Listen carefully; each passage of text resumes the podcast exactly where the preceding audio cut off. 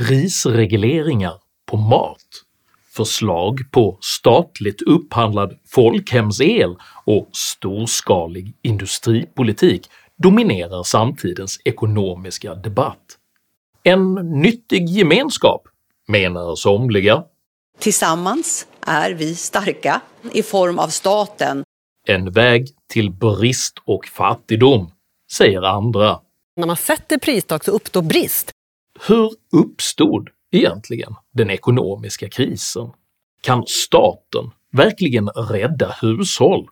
Och vad händer med ett samhälle där statsmakten styr en allt större del av kapitalet?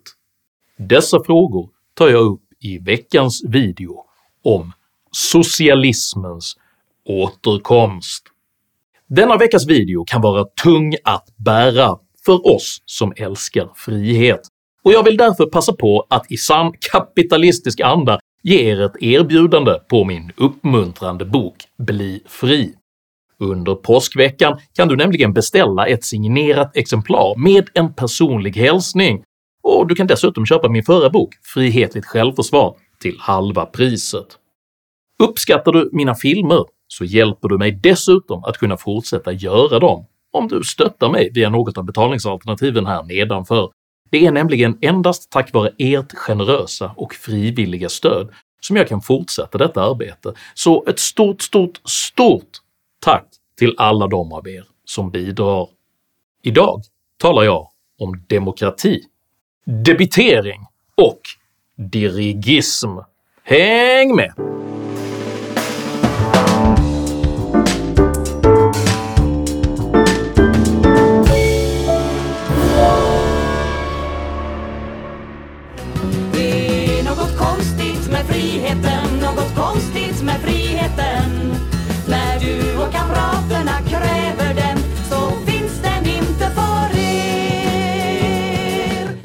Detta melodiska underkännande av det liberala frihetsbegreppet besjöngs 1972 av Göteborgs progbandet Knutna Nävar. Bandets musik speglade en tidsanda som var präglad av ekonomisk kris, där folk gradvis röstade fram allt mer socialism, under förhoppningen att omfördelningen av andras pengar skulle kunna rädda dem själva ifrån fattigdom. Likheterna mellan 1970-talets progrörelse och dagens politiska debattklimat är oroväckande många. De västerländska ekonomiernas statsskulder har nämligen under decennier stagats upp med stimulanspaket och artificiellt billig kredit. break up these huge financial institutions. I think it's incredibly important to end too big to fail. När kriget i Ukraina sedan utlöst en global energikris med stigande bolåneräntor och inflation som följd drabbades därför den kreditdopade västerländska ekonomin mycket, mycket hårt. Industries like airlines, import export companies, tourism, retailers, events, restaurants, and many other non essential services have been hit. Som en mardrömslikt ostoppbar repris av 1900-talets ekonomiska misstag driver nu denna utveckling fram allt mer högljudda krav på politisk ekonomisk styrning. Ett exempel på detta är hur Sveriges stigande matpriser under förra veckan lyckades få även den borgerliga finansministern Elisabeth Svantesson att kalla matjättarna till sig för att uppmana dem till ansvarsfull prissättning. Nu hade vi en diskussion väldigt rak och ärlig om matpriserna. De har ju sina förklaringar de här tre matjättarna. Jag var tydlig med och inskärpte att alla har ett ansvar. Och jag manar ju till ansvar från alla håll. Ett annat exempel är hur den socialdemokratiska oppositionen i veckan lanserade det nostalgiskt publikfriande konceptet “folkhemsel” Och idag så kan vi presentera ett omfattande förslag som skulle skapa en eh, elmarknad som på ett helt annat sätt än idag står på vanligt folks sida. Ett förslag om folkhemsel som skulle sänka hushållens elpriser. Detta förslag innebär i korthet att staten handlar upp kolossala mängder el på långa kontrakt för att pressa ner priset och sedan fördela denna billiga el enligt en politiskt fastlagd plan. Det är ett nytt sätt att tänka och eh, vi har ju haft eh, en lång tid när, när vi har haft en väldigt, väldigt hög tilltro till marknaden. Vi vill att vi ska använda statens, alltså våra gemensamma muskler för att på liknande sätt kunna tillhandahålla lägre och stabila elpriser för hushåll, delar av hushållens elkonsumtion. På samma linje har vänsterpartierna länge även angripit Sveriges fria skolsystem med rent populistiska argument för krav på återförstatligande. Pengar som vi alla betalar i skatt för att barnen ska få en bra skola, pengar som ska gå till lärare, till skolböcker, till suddgummin hamnar med den svenska marknadsskolan istället i fickorna på riskkapitalister och finansierar lyxvillor på Floridas östkust eller besök på sexklubbar i Thailand. Det är hög tid att ta tillbaka den demokratiska kontrollen över skolan. Dessa attityder genomsyrar nu hela samhällsdebatten där såväl TV4-programledare som borgerliga ministrar utan vidare problematisering förordar statlig styrning av allt fler samhällsfunktioner. Tror du att man kan nå sådana här bra resultat som du eftersträvar utan en statlig skola?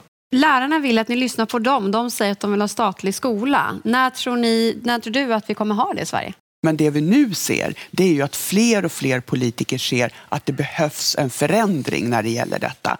Och att staten tar ett större ansvar för svensk skola.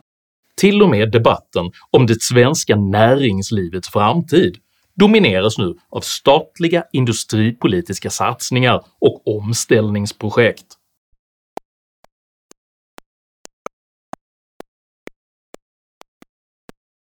This place is at the very forefront of the green transition in Europe. Man efterfrågar alltså mer statlig styrning av både livsmedel, energiförsörjning och tillverkningsindustri. What could possibly go wrong?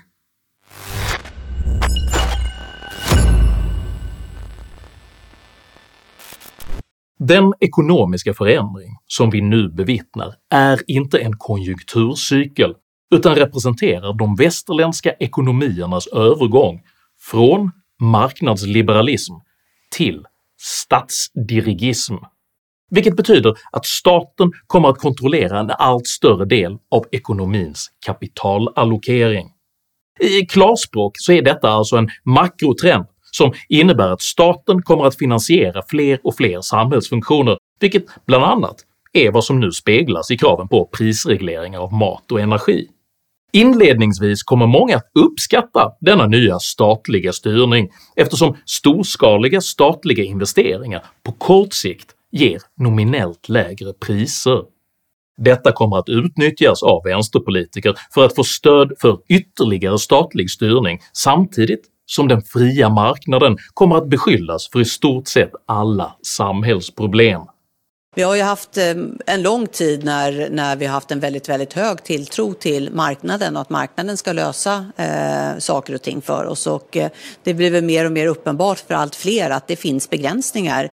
Detta kommer att ske trots att den rådande ekonomiska krisen nästan uteslutande har orsakats av just politiska beslut. Krisen är nämligen en konsekvens av de västerländska ekonomiernas ohanterbara statsskulder, vilka i sin tur är ett resultat av att man under decennier har dopat lågproduktiva ekonomier med bidrag, stöd och billig kredit för att vinna väljarnas gunst. Lite tillspetsat kan man säga att skrupelfria politiker har mutat sina väljare med möjligheten att köpa finare bostäder än vad man egentligen är produktiv nog för att kunna äga. När konsekvenserna av politikernas egna beslut nu drabbar hushållen skyller de därför på marknadskrafterna med förhoppningen att väljarna ska ge dem ändå mer makt för att lösa problemen som de själva orsakat. What could possibly go wrong?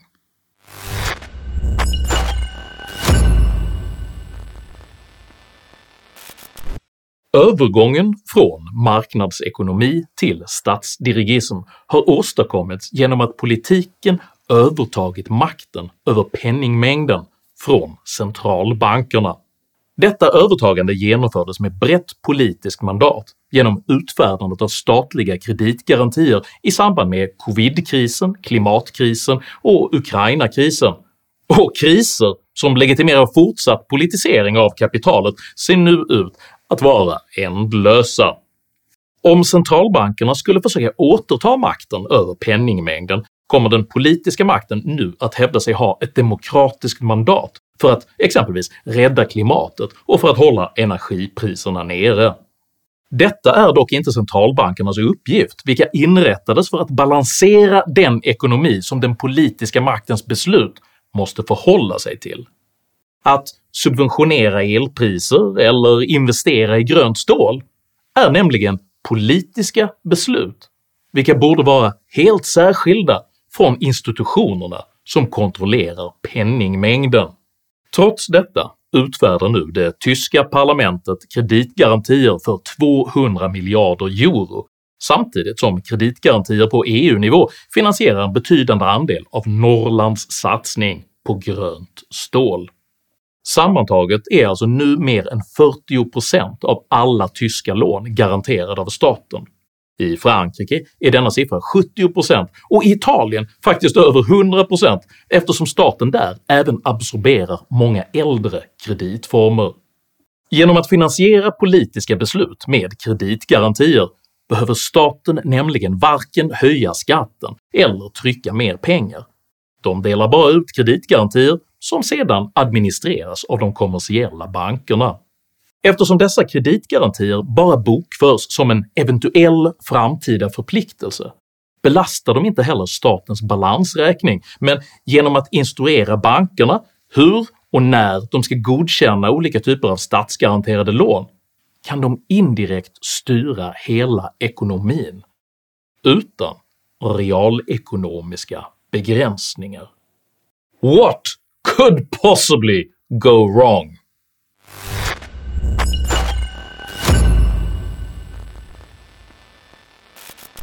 Den ekonomiskt väldokumenterade konsekvensen av ekonomisk dirigism är felallokering av kapital. Dessa felallokeringar börjar uppstå om man försöker ersätta marknadens adaptiva myller av konkurrerande aktörer med storskaliga statliga satsningar vars ledtider och ekonomiska ensidighet gradvis skapar både arbetslöshet och brist, vilket ytterst försätter hela ekonomin i stagflation.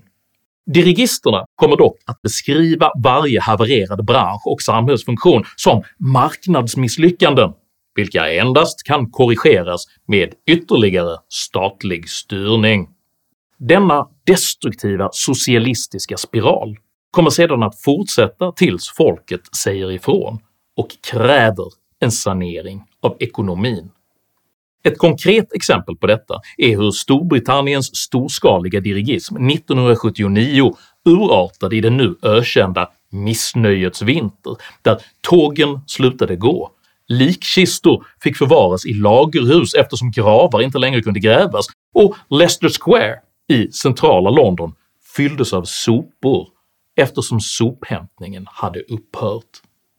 Detta är det verkliga och slutliga resultatet av den statsdirigism som nu är på allas läppar. Att försöka rädda samhällsekonomin genom statlig styrning är därför som att försöka hålla sig varm genom att kissa på sig. Det kan inledningsvis upplevas som en viss förbättring, men det blir snart kallare än innan. Dagens politiska och sociala klimat saknar dessvärre helt demokratiska mandat för de åtgärder som verkligen skulle kunna vända ekonomin, eftersom de innebär ett ganska stort mått av smärta för hushållen. Vi borde nämligen alla tillfälligt bli lite fattigare, jobba mycket hårdare och få avsevärt mindre i stöd och bidrag. En sådan strävsamt värdeskapande ekonomi skulle mycket hastigt ackumulera nytt välstånd samtidigt som innovationsbenägenheten organiskt skulle bidra till att lösa både energipolitiska och klimatmässiga utmaningar på ett långsiktigt sätt.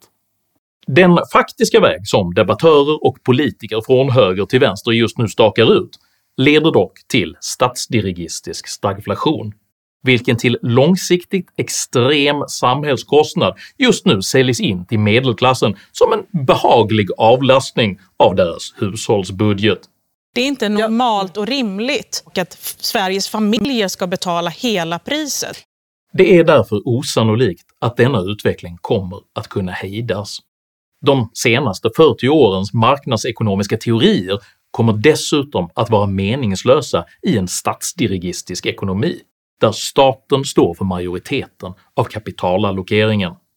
Detta innebär att argument rörande sänkt skatt, privatiseringar och avregleringar först kommer att bli politiskt irrelevanta, sedan ekonomiskt obegripliga. För att ändå avsluta denna nattsvarta framtidsprognos i dur är det viktigt att även minnas att den mänskliga civilisationen som helhet ändå står inför en fantastisk och ljusnande framtid. Varken den globala fattigdomen eller analfabetismen har någonsin fallit så snabbt som just nu. Bildningsgraden ökar, vi lever längre, är hälsosammare, fredligare, klokare och mer produktiva än någonsin tidigare i hela mänsklighetens historia.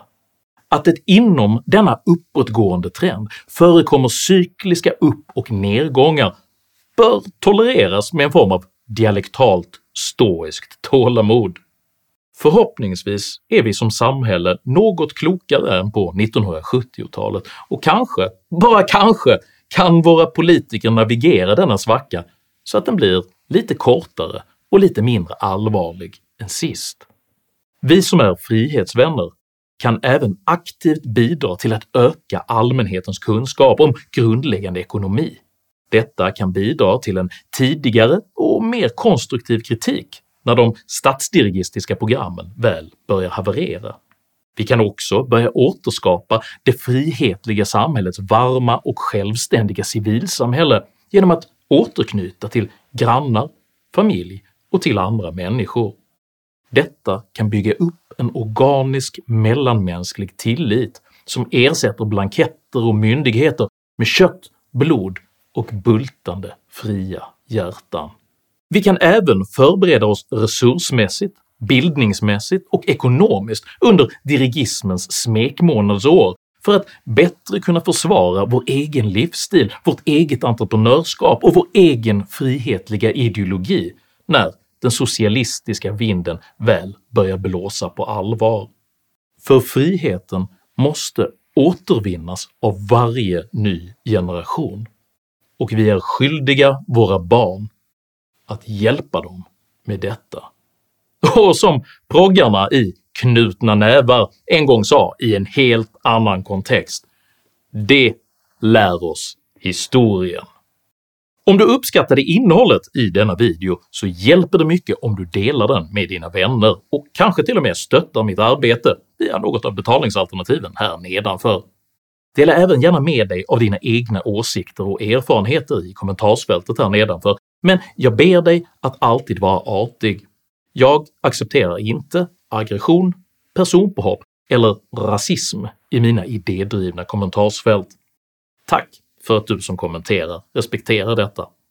Jag heter Henrik Jönsson och jag anser att marknaden bör styra ekonomin, inte staten. Tack för mig och tack för att du har lyssnat.